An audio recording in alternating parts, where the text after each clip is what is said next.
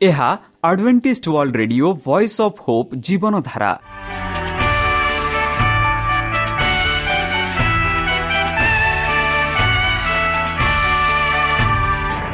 Odia radio କାର୍ଯ୍ୟକ୍ରମ ଯାହା ଆମର ଆନ୍ତର୍ଜାତୀୟ ଆଘାତ କେନ୍ଦ୍ରରୁ ପ୍ରସାରଣ କରାଯାଉଛି ପ୍ରତିଦିନ ରାତି ନଅଟା ତିରିଶ ମିନିଟ୍ରେ।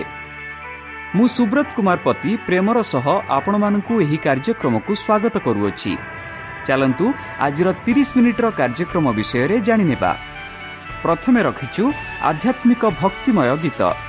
ଏହାପରେ ଶୁଣିବା ସ୍ୱାସ୍ଥ୍ୟ ବିଷୟରେ ଯାହା ଆମର ଦୈନିକ ଜୀବନରେ ଅତ୍ୟନ୍ତ ଜରୁରୀ। ଆଉ ପରିଶେଷରେ ଶୁଣିବା ପରମେଶ୍ୱରଙ୍କ ଭକ୍ତଙ୍କଠାରୁ ଜୀବନଦାୟକ ଈଶ୍ୱରଙ୍କ ବାକ୍ୟ। ପ୍ରିୟ ଶ୍ରୋତା ତାହେଲେ ଚାଲନ୍ତୁ ଶୁଣିବା ଏକ ଆଧ୍ୟାତ୍ମିକ ଭକ୍ତିମୟ ଗୀତ।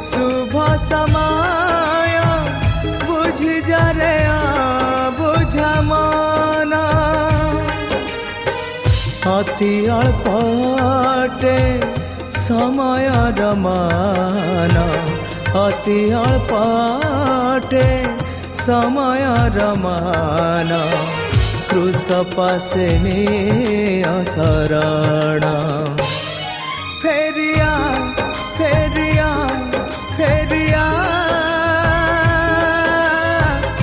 बंधु मोरा, बंधु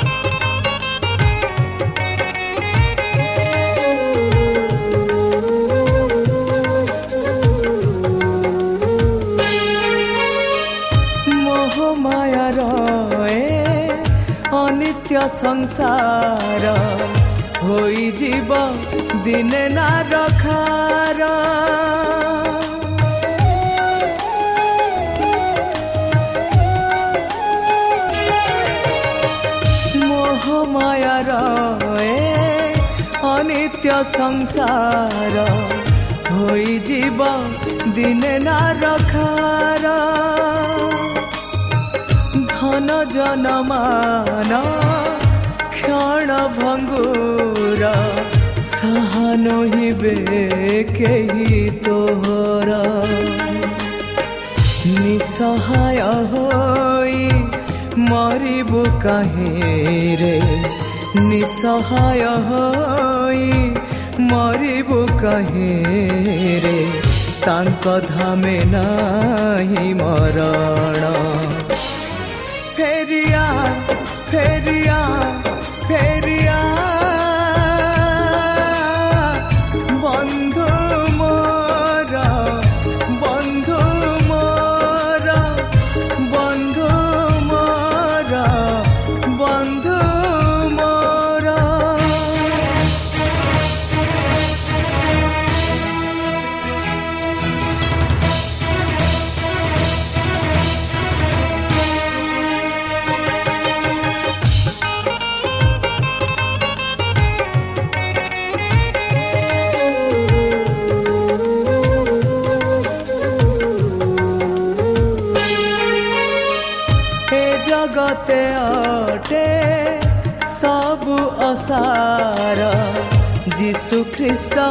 ଅଟନ୍ତି ଯେ ସାରା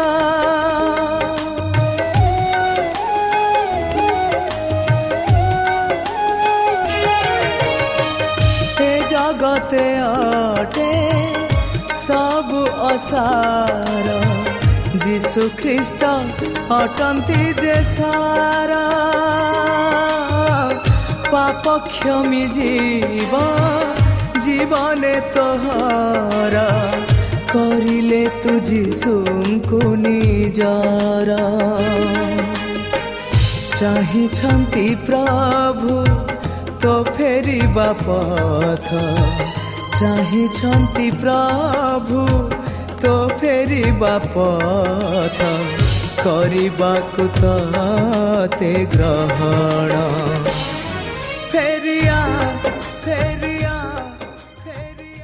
প্রিয় শ্রোতা আমি আশা করুছু যে আমার কার্যক্রম আপনার পসন্দ লাগুথিব ଆପଣଙ୍କର ମତାମତ ଜଣାଇବା ପାଇଁ ଆମର ଏହି ଠିକଣାରେ ଯୋଗାଯୋଗ କରନ୍ତୁ ଆମ ଠିକଣା Adventist media centre SDA mission compound Salisbury park Pune ଚାରି ଏକ ଏକ ଶୂନ ତିନି ସାତ ମହାରାଷ୍ଟ୍ର ବା ଖୋଲନ୍ତୁ ଆମର ୱେବସାଇଟ୍ ଯେକୌଣସି android phone smartphone desktop laptop କିମ୍ବା ଟ୍ୟାବ୍ଲେଟ୍ ଆମର ୱେବସାଇଟ୍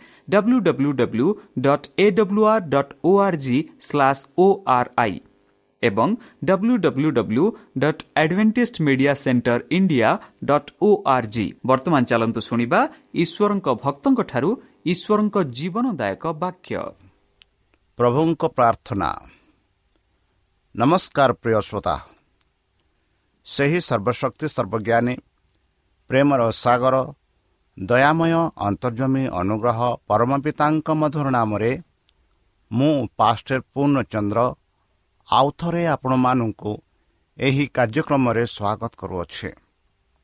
ପ୍ରିୟ ଶ୍ରୋତା ସେହି ସର୍ବଶକ୍ତି ପରମେଶ୍ୱର ଆପଣମାନଙ୍କୁ ଆଶୀର୍ବାଦ କରନ୍ତୁ। ଆପଣଙ୍କୁ ସମସ୍ତ ପ୍ରକାର ଦୁଃଖ କଷ୍ଟ ବାଧା କ୍ଲେଶ ଓ ରୋଗରୁ ଦୂରେଇ ରଖନ୍ତୁ। ଶତ୍ରୁ ସୟତାନ ହସ୍ତରୁ ସେ ଆପଣଙ୍କୁ ସୁରକ୍ଷାରେ ରଖନ୍ତୁ। ତାହାଙ୍କ ପ୍ରେମ ତାହାଙ୍କ ସ୍ନେହ ତାହାଙ୍କ କୃପା ତାହାଙ୍କ ଅନୁଗ୍ରହ ସଦାସର୍ବଦା ଆପଣଙ୍କଠାରେ ସହବର୍ତ୍ତୀ ରହୁ। ପ୍ରିୟସତା ଚାଲନ୍ତୁ। ଆଜି ଆମ୍ଭେମାନେ କିଛି ସମୟ ପବିତ୍ର ଶାସ୍ତ୍ର ବାଇବଲଠୁ ତାହାଙ୍କ ଜୀବନଦାୟକ ବାକ୍ୟ ଧ୍ୟାନ କରିବା। ଆଜିର ଆଲୋଚନା ହେଉଛି ପ୍ରଭୁଙ୍କ ପ୍ରାର୍ଥନା। ବନ୍ଧୁ ଯଦି ଆମେ ମାଥ୍ୟୁ ଛଅ ନ ପଢ଼ିବା ଯୀଶୁଖ୍ରୀଷ୍ଟ ଏହିପରି କହିଲେ ଅତଏବେ ତୁମେମାନେ ଏହି ପ୍ରକାର ପ୍ରାର୍ଥନା କର ହେ ଆମମାନଙ୍କ ସ୍ୱର୍ଗତ ପିତା ତୁମ୍ଭ ନାମ ପବିତ୍ର ବୋଲି ମାନ୍ୟ ହେଉ। ବନ୍ଧୁ ଆମେ ସମସ୍ତେ ପ୍ରାର୍ଥନା କରୁ।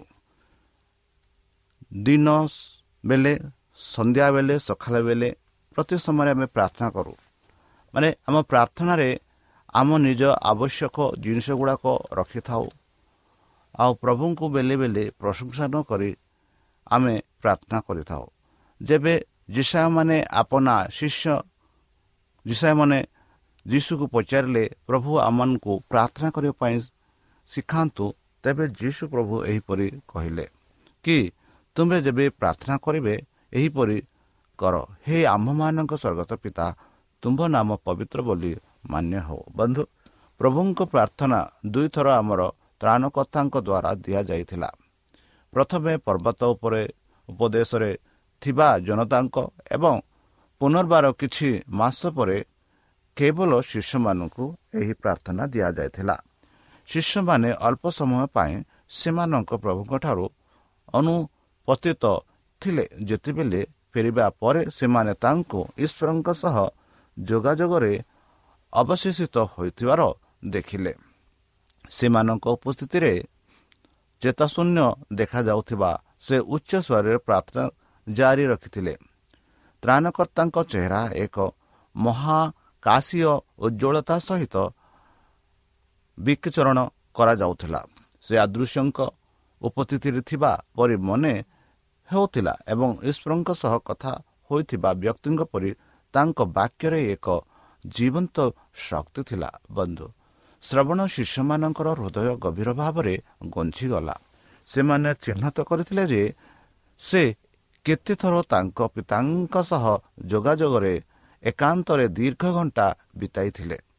ତାଙ୍କ ଦିନ କାର୍ଯ୍ୟାଳୟରେ ତାଙ୍କ ଉପରେ ଚାପ ପକାଇଥିବା ଜନତାଙ୍କୁ ଦିଆଯାଉଥିବା ଏବଂ ରାବିମାନଙ୍କ ବିଶ୍ୱାସଘାତ ପୋଷ୍ଟିତ ଉନ୍ନଚତ କରିବାରେ ଏବଂ ଏହି ନିରନ୍ତର ପରିଶ୍ରମ ତାଙ୍କୁ ପ୍ରାୟତଃ ଏତେ ପରିଧାନ କରିଥିଲା ଯେ ତାଙ୍କ ମା ଏବଂ ଭାଇ ଏବଂ ଏପରିକି ତାଙ୍କ ଶିଷ୍ୟମାନେ ମଧ୍ୟ ଭୟ କରିଥିଲେ ଯେ ତାଙ୍କ ଜୀବନ ବଳି ଦିଆଯିବ। କିନ୍ତୁ ଯେହେତୁ ସେ ପ୍ରାର୍ଥନା ସମୟରୁ ଫେରିଲେ ଯାହା ପରିଶ୍ରମୀ ଦିନକୁ ବନ୍ଦ କରିଦେଲା। ସେମାନେ ତାଙ୍କୁ ମୁହଁରେ ଶାନ୍ତିର ଚେହେରା ସତେଜତାର ଭାବନାକୁ ଚିହ୍ନଟ କଲେ। ଯାହା ତାଙ୍କ ଉପସ୍ଥିତିକୁ ବ୍ୟାପିବା ପରି ମନେ ହେଉଥିଲା। ଈଶ୍ୱରଙ୍କ ସହ ବିତାଇଥିବା ଘଣ୍ଟା ଘଣ୍ଟାରୁ ହିଁ ସେ ସକାଳ ସୁଦ୍ଧା ପୁରୁଷମାନଙ୍କ ପାଇଁ ସ୍ୱର୍ଗର ଆଲୋକ ଆଣିବା ପାଇଁ ସମ୍ମାନକୁ ଆସିଲେ। ଶିଷ୍ୟମାନେ ତାଙ୍କ ବାକ୍ୟ ଏବଂ କାର୍ଯ୍ୟର ଶକ୍ତି ସହିତ ତାଙ୍କର ପ୍ରାର୍ଥନା ଘଣ୍ଟାରୁ ସଂଯୋଗ କରିବା ଆସିଥିଲେ କରିବାକୁ ଆସିଥିଲେ। ବର୍ତ୍ତମାନ ଯେତେବେଳେ ସେମାନେ ତାଙ୍କ ସେହି ବାକ୍ୟ ଶୁଣିଲେ ସେମାନଙ୍କ ହୃଦୟ ଆଚାର୍ଯ୍ୟ ଏବଂ ନମ୍ର ହେଲା। ଯେହେତୁ ସେ ପ୍ରାର୍ଥନା କରିବା ବନ୍ଦ କରିଦେଲେ ସେମାନେ ଗଭୀର ଆବଶ୍ୟକତା ବିଶ୍ୱାସ ସହିତ ସେମାନେ ଚିତ୍କାର କଲେ ପ୍ରଭୁ ଆମମାନଙ୍କୁ ପ୍ରାର୍ଥନା କରିବାକୁ ଶିଖାନ୍ତୁ। ଯଦି ଆପଣ ଲୁକ ଏଗାର ଏକ ଦେଖିବେ। ବନ୍ଧୁ ଯୀଶୁ ସେମାନଙ୍କୁ କୌଣସି ନୂତନ ପ୍ରକାରର ପ୍ରାର୍ଥନା ଦିଅନ୍ତି ନାହିଁ। ଯାହା ସେ ପୂର୍ବରୁ ସେମାନଙ୍କୁ ଶିଖାଇଛନ୍ତି ଯେ ପୁନର୍ବୃତ୍ତିତ କରନ୍ତି। ଯେପରି ସେ କହିବେ ମୁଁ ପୂର୍ବରୁ କ'ଣ ଦେଇସାରିଛି ତାହା ବୁଝିବା ଆବଶ୍ୟକ। ଏହାର ଏକ ଗଭୀରତା ଅଛି ଅର୍ଥାତ୍ ଆପଣ ଏପର୍ଯ୍ୟନ୍ତ ଜାଣିନାହାନ୍ତି। ବନ୍ଧୁ ତ୍ରାଣକର୍ତ୍ତା ତଥାପି ଆମକୁ ଏହି ସଠିକ ବାକ୍ୟର ବ୍ୟବହାରରେ ସୀମିତ ରଖନ୍ତି ନାହିଁ। ମାନବିକତା ସହିତ ଜଣେ ଭାବରେ ସେ ପ୍ରାର୍ଥନାର ନିଜର ଆଦର୍ଶ ଉପସ୍ଥାପନା କରି ବାକ୍ୟ ଏତେ ସରଳ ଯେ ସେଗୁଡ଼ିକ ଛୋଟ ପିଲା ଦ୍ୱାରା ଗ୍ରହଣ କରାଯାଇପାରେ। ତଥାପି ଏତେ ବ୍ୟାପକ ଯେ ସେମାନଙ୍କ ମହାତ୍ମ ସର୍ବଶ୍ରେଷ୍ଠ ମନ ଦ୍ୱାରା ସମ୍ପୂର୍ଣ୍ଣ ଭାବରେ ବୁଝିପାରିବ ନାହିଁ। ବନ୍ଧୁ ଆମକୁ ଧନ୍ୟବାଦ ଅର୍ପଣ ଓ ଶ୍ରଦ୍ଧାଞ୍ଜଳି ସହିତ ଈଶ୍ୱରଙ୍କ ନିକଟକୁ ଆସିବାକୁ ଆମର ଇଚ୍ଛାକୁ ଜଣାଇବା ଆମର ପାପ ସ୍ୱୀକାର କରିବା ଏବଂ ତାଙ୍କ ପ୍ରତିଜ୍ଞା ଅନୁଯାୟୀ ତାଙ୍କ ଦୟା ଦାବି କରିବାକୁ ଶିଖାଯାଇଅଛି। ବନ୍ଧୁ ଯେପରିକି ଏଭ୍ରି ଦୁଇ ଏଗାରରେ ଆମକୁ ତାଙ୍କ ପିତାଙ୍କ ଆମର ପିତା ବୋଲି କହିବାକୁ ଶିଖାନ୍ତି ସେ ଆମକୁ ଭାଇ ବୋଲି କହିବାକୁ ଲଜ୍ଜିତ ନୁହନ୍ତି। ବନ୍ଧୁ ଈଶ୍ୱରଙ୍କ ପରିବାର ସଦସ୍ୟ ଭାବରେ ଆମକୁ ସ୍ୱାଗତ କରିବା ପାଇଁ ପ୍ରାଣକର୍ତ୍ତାଙ୍କ ହୃଦୟରେ ଏତେ ପ୍ରସ୍ତୁତ ଯେ ପ୍ରଥମ ବାକ୍ୟରେ ସେ ଆମେ ଈଶ୍ୱରଙ୍କ ନିକଟକୁ ଯିବାରେ ବ୍ୟବହାର କରିବାକୁ ଯାଉଛୁ ସେ ଆମର ଦିବ୍ୟ ସମ୍ପର୍କର ଆଶ୍ୱାସନା ଦେଇ ଆମର ବାପା ବୋଲି ସେ କହନ୍ତି। ବନ୍ଧୁ ଏଠାରେ ସେହି ଚମତ୍କାର ସତ୍ୟର ଘୋଷଣା କରିଅଛନ୍ତି। ଏତେ ଉତ୍ସାହ ଏବଂ ଆରାମରେ ପରିପୂର୍ଣ୍ଣ ଯେ ଈଶ୍ୱର ଆମକୁ ଭଲ ପାଆନ୍ତି ଯେହେତୁ ସେ ତାଙ୍କ ପୁଅକୁ ଭଲ ପାଆନ୍ତି। ଯୀଶୁ ତାଙ୍କ ଶିଷ୍ୟମାନଙ୍କ ପାଇଁ ତାଙ୍କର ଶେଷ ପ୍ରାର୍ଥନାରେ ଏହା କହିଥିଲେ ତୁମ୍ଭେ ସେମାନଙ୍କୁ ଭଲ ପାଇଛ ଯେହେତୁ ତୁମ୍ଭେ ମୋତେ ଭଲ ପାଇଛ। ପଢ଼ନ୍ତୁ ଜହନ ସତର ତେଇଶ ବନ୍ଧୁ। ଶୈତାନ ଯେଉଁ ଦୁନିଆକୁ ଦାବି କରିଛନ୍ତି ଏବଂ ନିଷ୍ଠୁର ଅତ୍ୟାଚାର ସହିତ ଶାସନ କରିଛନ୍ତି ଈଶ୍ୱରଙ୍କ ପୁଅ ଗୋଟିଏ ବିଳାସ ବିଶାଳ ସଫଳତା ଦ୍ୱାରା ତାଙ୍କ ପ୍ରେମରେ ଘେରି ରହି ଜୁହୁଦାର ସିଂହାସନ ସହିତ ପୁନର୍ବାର ସଂଯୁକ୍ତ ହୋଇଛନ୍ତି।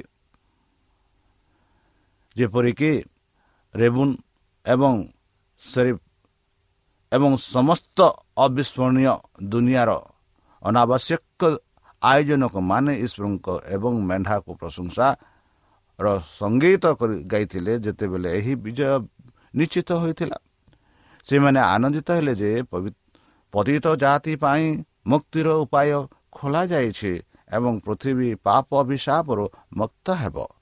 ଯେଉଁମାନେ ଏହି ଆଶ୍ଚର୍ଯ୍ୟଜନକ ପ୍ରେମର ବସ୍ତୁ ଅଛନ୍ତି ସେମାନଙ୍କୁ ଆଉ କେତେ ଆନନ୍ଦିତ କରାଯିବା ଉଚିତ।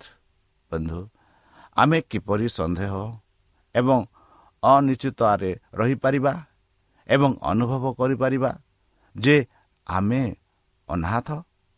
ଯେଉଁମାନେ ଆଇନକୁ ଅତିକ୍ରମ କରିଥିଲେ ସେମାନଙ୍କ ତରଫରୁ ଯୀଶୁ ତାଙ୍କ ମାନବ ପ୍ରକୃତି ଗ୍ରହଣ କରିଥିଲେ। ସେ ଆମ ପାଇଁ ପରି ହୋଇଗଲେ ଯେ ଆମର ଚିରସ୍ଥାୟୀ ଶାନ୍ତି ଏବଂ ଆଶ୍ୱାସନା ଥାଇପାରେ। ସ୍ୱର୍ଗରେ ଆମର ଜଣେ ଓକିଲ ଅଛନ୍ତି ଏବଂ ଯିଏ ତାଙ୍କୁ ବ୍ୟକ୍ତିଗତ ତ୍ରାଣକର୍ତ୍ତା ଭାବରେ ଗ୍ରହଣ କରନ୍ତି ସେ ନିଜ ପାପର ଭାର ବହନ କରିବାକୁ ଅନାଥ ହୋଇନାହାନ୍ତି ବନ୍ଧୁ ବନ୍ଧୁ ପ୍ରିୟ ବର୍ତ୍ତମାନ ଆମେ ଈଶ୍ୱରଙ୍କ ପୁତ୍ର ଏହା ମନେ ରଖନ୍ତୁ ଏବଂ ଯଦି ପିଲାମାନେ ତେବେ ଉତ୍ତରୀକାରୀ ଉତ୍ତର ଉଦ୍ଧାକାରୀ ଉତ୍ତର ଉତ୍ତରାଧିକାରୀ ଈଶ୍ୱରଙ୍କ ଉତ୍ତରୀକାରୀ ଏବଂ ଖ୍ରୀଷ୍ଟଙ୍କ ସହ ମିଳିତି ଉତ୍ତରୀ ଉତ୍ତରାଧିକାରୀ ଯଦି ଏପରି ହୁଏ ସେ ଆମେ ତାଙ୍କ ସହିତ ଯନ୍ତ୍ରଣା ଭୋଗୁ। ତେବେ ଆମେ ମଧ୍ୟ ଏକାଠି ଗୌରବାନ୍ୱିତ ହୋଇପାରିବା। ଯେପରି ପ୍ରଥମ ଜନ ତିନି ଦୂରେ କୁହେ ଆଉ ପ୍ରକାଶିତ ଆଠ ବାର କୁହେ ଆମେ କ'ଣ ହେବା ତାହା ଏପର୍ଯ୍ୟନ୍ତ ଦେଖାଯାଉନାହିଁ କିନ୍ତୁ ଆମେ ଜାଣୁ ଯେ ଯେତେବେଳେ ସେ ଦେଖା ଦେବେ ଆମେ ତାଙ୍କ ପରି ରହିବୁ ତାଙ୍କ ପରି ହେବୁ କାରଣ ଆମେ ତାଙ୍କୁ ସେପରି ଦେଖିବୁ। ବନ୍ଧୁ ଜହନ ଚଉଦ ଜହନ ପ୍ରଥମ ଜହନ ଚାରି ଷୋହଳରେ ଆମେ ଦେଖୁଛୁ ଈଶ୍ୱରଙ୍କ ନିକଟକୁ ଯିବାର ପ୍ରଥମ ପଦପେକ୍ଷ ହେଉଛି ଜାଣିବା ଏବଂ ବିଶ୍ୱାସ କରିବା ତାହା ତାଙ୍କ ପାଖେ ଅଛି ବନ୍ଧୁ। କାରଣ ତାଙ୍କ ପ୍ରେମର ଚିତ୍ର ମାଧ୍ୟମରେ ଆମକୁ ତାଙ୍କ ନିକଟକୁ ଆସିବାକୁ ନିଆଯାଏ। ଈଶ୍ୱର ପ୍ରେମର ଧାରଣା ସ୍ୱାର୍ଥପରତା ତ୍ୟାଗକୁ କାମ କରେ। ଈଶ୍ୱରଙ୍କୁ ଆମର ପିତା କହିବାରେ ଆମେ ତାଙ୍କର ସମସ୍ତ ପିଲାମାନଙ୍କୁ ଆମର ଭାଇ ଭାବରେ ଚିହ୍ନିଥାଉ। ଆମେ ସମସ୍ତେ ମାନବିକତାର ମହାନ ଏକ ଅଂଶ ଗୋଟିଏ ପରିବାରର ସମସ୍ତ ସଦସ୍ୟ ଭାଇ। ଆମର ଆବେଦନରେ ଆମେ ଆମର ପଡ଼ୋଶୀମାନଙ୍କୁ ଏବଂ ନିଜକୁ ଅନ୍ତର୍ଭୁକ୍ତ କରିବାକୁ ଯାଉଛୁ। କେହି ମଧ୍ୟ ସିଧା ପ୍ରାର୍ଥନା କରନ୍ତି ନାହିଁ ଯିଏ ଏକାକୀ ନିଜ ପାଇଁ ଆଶୀର୍ବାଦ ଖୋଜନ୍ତି। ବନ୍ଧୁ ଯୀଶୁ କହିଛନ୍ତି ଯେ ଅସୀମ ଈଶ୍ୱର ପିତା ନାମରେ ତାଙ୍କ ନିକଟକୁ ଯିବା ଆପଣଙ୍କର ସୌଭାଗ୍ୟ ଅଟେ। ଏହା ଯାହା ସୂଚିତ କରେ ତାହା ବୁଝନ୍ତୁ। କୌଣସି ପୃଥିବୀ ପିତାମାତା କେବେ ବି ଏକ ଭୁଲ ପିଲା ସହିତ ଏତେ ଆନ୍ତରିକତା ସହିତ ନିବେଦନ କରିନାହାନ୍ତି। ଯେହେତୁ ସେ ତୁମକୁ ନିଜ ପିତା ନିଜ ପୁତ୍ର ପୁତ୍ରୀ ହିସାବରେ ଗ୍ରହଣ କରନ୍ତି। କୌଣସି ମାନବ ସ୍ନେହପୂର୍ଣ୍ଣ ଆଗ୍ରହ କେବେ ବି ଏପରି କୋମଳ ନିମନ୍ତ୍ରଣ ସହିତ ଅବିସ୍ମରଣୀୟ ଅନୁସରଣ କରୁନଥିଲା। ଈଶ୍ୱର ପ୍ରତ୍ୟେକ ଆବାସରେ ବାସ କରନ୍ତି। ସେ ପ୍ରତ୍ୟେକ ବାକ୍ୟ ଶୁଣନ୍ତି। ପ୍ରାର୍ଥନା କରାଯାଉଥିବା ପ୍ରତ୍ୟେକ ପ୍ରାର୍ଥନା ଶୁଣନ୍ତି। ପ୍ରତ୍ୟେକ ଆତ୍ମାର ଦୁଃଖ ଏବଂ ନିରାଶର ସ୍ୱାଦ ନିଅନ୍ତି। ପିତା ମା ଭଉଣୀ ବନ୍ଧୁ ଏବଂ ପଡ଼ୋଶୀଙ୍କୁ ଦିଆଯାଇଥିବା ଚିକିତ୍ସାକୁ ସମ୍ମାନ କରନ୍ତି ସେ ଆମର ଆବଶ୍ୟକତାର ପ୍ରତି ଯତ୍ନବାନ ଏବଂ ଆମର ଆବଶ୍ୟକତାକୁ ପୂରଣ କରିବା ପାଇଁ ତାଙ୍କର ପ୍ରେମ ଏବଂ ଦୟା ଏବଂ ଅନୁଗ୍ରହ କ୍ରମାଗତ ଭାବରେ ପ୍ରବାହିତ କରନ୍ତି ବନ୍ଧୁ। କିନ୍ତୁ ଯଦି ତୁମେ ଈଶ୍ୱରଙ୍କୁ ତୁମର ପିତା ବୋଲି କୁହ ତୁମେ ନିଜକୁ ତାଙ୍କ ପିଲାମାନଙ୍କୁ ସ୍ୱୀକାର କର ବୋଲି ପରମେଶ୍ୱର ଯୀଶୁଖ୍ରୀଷ୍ଟ କହିଲେ ତାଙ୍କ ଜ୍ଞାନ ଦ୍ୱାରା ମାର୍ଗଦର୍ଶନ କର ଏବଂ ସମସ୍ତ ଜିନିଷରେ ଆଜ୍ଞାକାରୀ ହେବ। ଜାଣି ଯେ ତାଙ୍କ ପ୍ରେମ ପରିବର୍ତ୍ତନହୀନ ତୁମେ ତୁମର ଜୀବନ ପାଇଁ ତାଙ୍କର ଯୋଜନା ଗ୍ରହଣ କରିବ। ଈଶ୍ୱରଙ୍କ ସନ୍ଧାନ ଭାବରେ ତୁମ୍ଭେ ତୁମର ସର୍ବୋଚ୍ଚ ଆଗ୍ରହର ବସ୍ତୁ ଭାବରେ ତାଙ୍କର ସମ୍ମାନ ତାଙ୍କ ଚରିତ୍ର ତାଙ୍କ ପରିବାର ତାଙ୍କ କାର୍ଯ୍ୟକୁ ଧରି ରଖିବ। ତୁମର ପିତା ଏବଂ ତାଙ୍କ ପରିବାର ପ୍ରତ୍ୟେକ ସଦସ୍ୟଙ୍କ ସହିତ ତୁମର ସମ୍ପର୍କକୁ ଚିହ୍ନିବା ଏବଂ ସମ୍ମାନ ଦେବା ତୁମର ଆନନ୍ଦ ହେବ। ଆପଣ ଯେକୌଣସି କାର୍ଯ୍ୟ କରିବାକୁ ଆନନ୍ଦିତ ହେବେ ଯେତେ ନମ୍ର ହୁଅନ୍ତୁ ତାହା ତାଙ୍କ ଗୌରବ କିମ୍ବା ତୁମର ଆତ୍ମୀୟଙ୍କ କଲ୍ୟାଣ ପ୍ରତି ପ୍ରବୃତ୍ତି କରିବ। ବନ୍ଧୁ ସ୍ୱର୍ଗରେ କେଉଁ କଲା ଯେ ଯାହାଙ୍କୁ ଖ୍ରୀଷ୍ଟ ଆମକୁ ଆମ ପିତା ଭାବରେ ବିଡ୍ କରନ୍ତି ବା ଦାବି କରନ୍ତି ସ୍ୱର୍ଗରେ ଅଛନ୍ତି।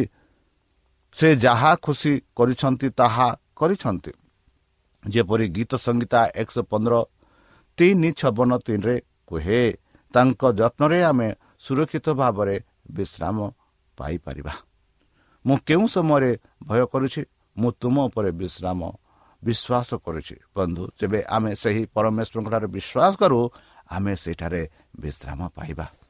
ପ୍ରଭୁଙ୍କ ନାମକୁ ହତାଶ କରିବା ପାଇଁ ଆବଶ୍ୟକ ଯେ ଆମେ ଯେଉଁ ବାକ୍ୟରେ ସର୍ବୋଚ୍ଚ ପ୍ରାଣୀ ବିଷୟରେ କହୁଛୁ ତାହା ସମ୍ମାନର ସହିତ ଉଚ୍ଚାରଣ କରାଯାଇ ପବିତ୍ର ଏବଂ ନମ୍ରରେ ଦେଇଛି ତାଙ୍କର ନାମ। ସେହିପରି ଆମେ ଗୀତ ସଂହିତା ଏକଶହ ଏଗାର ନରେ ପାଉଛୁ।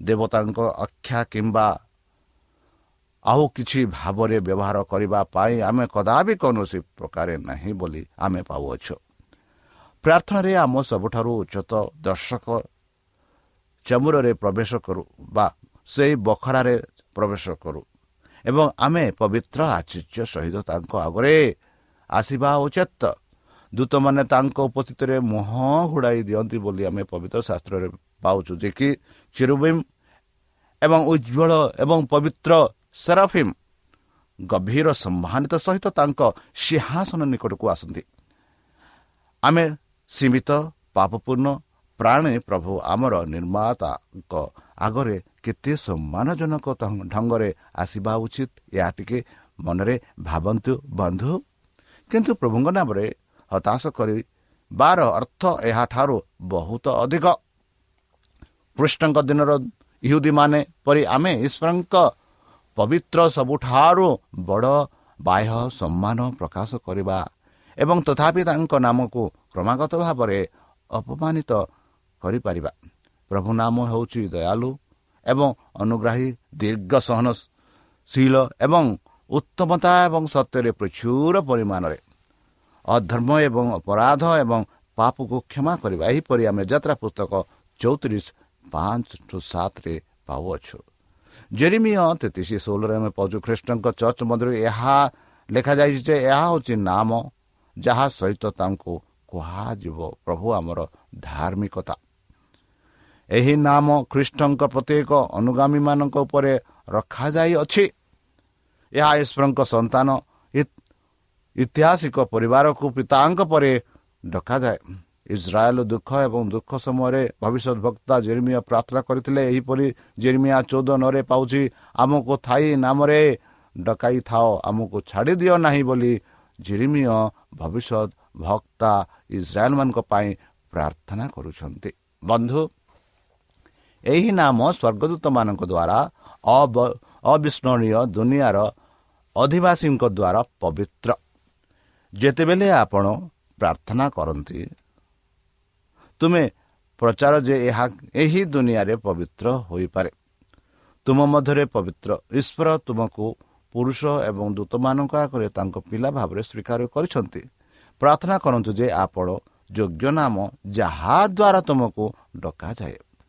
ପ୍ରତି କୌଣସି ଅସମ୍ମାନ କରିପାରନ୍ତି ଯେପରି ଜାକୁବ ଦୁଇ ସାତରେ ଆମେ ପାଉଅଛୁ।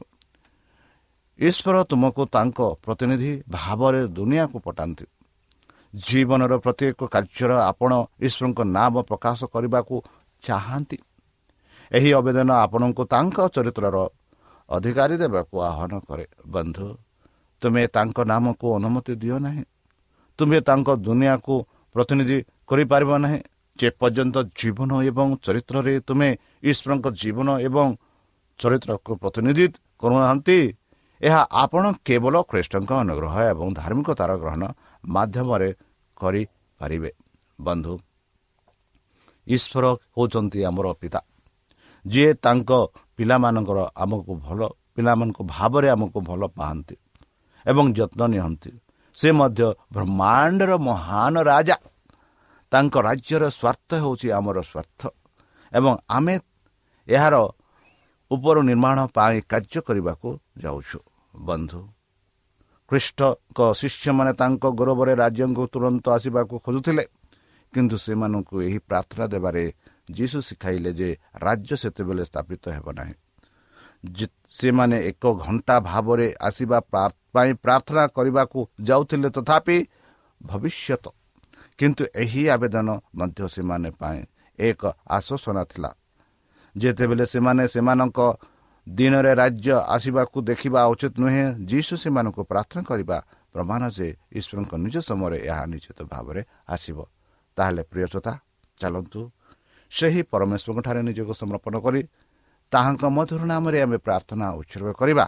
ଯେହେତୁ ସେହି ପରମ ପିତା ଆମ ପ୍ରାର୍ଥନା ଶୁଣନ୍ତି ଯେହେତୁ ସେ ଆମର ପିତା ସେ ଆମର ସୃଷ୍ଟିକର୍ତ୍ତା ସେ ଆମର ତ୍ରାଣକର୍ତ୍ତା ସେ ଆମର ଉଦ୍ଧାରକର୍ତ୍ତା ଆଉ ସେ ଆମମାନଙ୍କୁ କହନ୍ତି ଆମେ ତାଙ୍କର ପୁତ୍ର ଓ ପୁତ୍ରୀ ସନ୍ତାନ ସନ୍ତତି। ତାହେଲେ ଯେବେ ଯୀଶୁ ଆମମାନଙ୍କୁ ଏହି ଅଧିକାର ଦେଇଛନ୍ତି ପରମେଶ୍ୱର ଯେବେ ଏହି ଅଧିକାର ଦେଇଛନ୍ତି ଚାଲନ୍ତୁ ସେହି ଅଧିକାରରେ ନମ୍ର ଭାବରେ ସେହି ପରମେଶ୍ୱରଙ୍କ ନାମରେ ଆମେ ପ୍ରାର୍ଥନା ଉତ୍ସର୍ଗ କରିବା। ହେ ଆମ୍ଭମାନଙ୍କ ସର୍ବଶକ୍ତି ସର୍ବଜ୍ଞାନୀ ପ୍ରେମର ସାଗର ଦୟାମୟ ଅନ୍ତର୍ଜମୀ ଅନୁଗ୍ରହ ପରମ ପିତା ଧନ୍ୟବାଦ ଅର୍ପଣ କରୁଛୁ ପ୍ରଭୁ। ବର୍ତ୍ତମାନ ଯେଉଁ ବାକ୍ୟ ତୁମ ସେହି ଭକ୍ତମାନଙ୍କୁ ଶୁଣାଇଲେ ସେହି ବାକ୍ୟ ଅନୁସାରେ ଏମାନଙ୍କୁ ଚାଲିବା ପାଇଁ ବୁଦ୍ଧିରେ ଜ୍ଞାନରେ ଶକ୍ତିରେ ପରିପୂର୍ଣ୍ଣ କର। ଆମ ପାପ ସବୁ ତୁମ ସେହି ବହୁମୂଲ୍ୟ ରକ୍ତରେ ପରିଷ୍କାର କରି ଧୋଇଦିଅ। ବର୍ତ୍ତମାନ ଯେଉଁ କରୋନା ମହାମାରୀ ସାରା ପୃଥିବୀକୁ ଆପଣା ପ୍ରଭାବ ଦେଖାଉଅଛି ସେହି ପ୍ରଭାବରୁ ଆମମାନଙ୍କୁ ଦୂରେଇ ରଖ। ଶତ୍ରୁ ସୟତାନ ହସ୍ତରୁ ଆମମାନଙ୍କୁ ସୁରକ୍ଷାରେ ରଖ। ପରିଶେଷ ଯେବେ ତୁମେ ତୁମ ସେହି ସହସ୍ର ଦୂତଙ୍କ ସହ ଆସିବେ ଆପଣା ସାଧୁମାନଙ୍କୁ ସଂଗ୍ରହ କରିବା ନିମନ୍ତେ ସେତେବେଳେ ଆମମାନଙ୍କୁ ଏକ ବାସସ୍ଥାନ ଦିଅ ବୋଲି ତ୍ରାଣକର୍ତ୍ତା ପ୍ରଭୁ ଯୀଶୁଙ୍କ ମଧୁରମୟ ନାମରେ ଏହି ଛୋଟ ବିକ୍ଷମ ଅଛୁ ଶୁଣି ଗ୍ରହଣ କର। ଆମେ ପ୍ରିୟ ଶ୍ରୋତା ଆମେ ଆଶା କରୁଛୁ ଯେ ଆମର କାର୍ଯ୍ୟକ୍ରମ ଆପଣମାନଙ୍କୁ ପସନ୍ଦ ଲାଗୁଥିବ। ଆପଣଙ୍କର ମତାମତ ଜଣାଇବା ପାଇଁ ଆମର ଏହି ଠିକଣାରେ ଯୋଗାଯୋଗ କରନ୍ତୁ। ଆମ ଠିକଣା Adventist media centre S DA mission compound Salisbury park Pune ଚାରି ଏକ ଏକ ଶୂନ ତିନି ସାତ ମହାରାଷ୍ଟ୍ର। ବା ଖୋଲନ୍ତୁ ଆମର ୱେବସାଇଟ୍ ଯେକୌଣସି Android phone smartphone desktop laptop କିମ୍ବା ଟ୍ୟାବ୍ଲେଟ୍ ଆମର website W W W dot A W R dot O R G slash O R I ଏବଂ W W W dot advantage media centre India dot O R G advantage media centre ଇଣ୍ଡିଆର spelling ହେଉଛି A D V E N T I S T M E D I A C E N T R E I N D I A ଅଥବା download କରନ୍ତୁ ଆମର mobile app ଆପଣଙ୍କର mobile play ଷ୍ଟୋରକୁ ଯାଆନ୍ତୁ ଆଉ type କରନ୍ତୁ the voice of hope ଆଉ download କରନ୍ତୁ ଈଶ୍ୱର ଆପଣଙ୍କୁ ଆଶୀର୍ବାଦ କରନ୍ତୁ ଧନ୍ୟବାଦ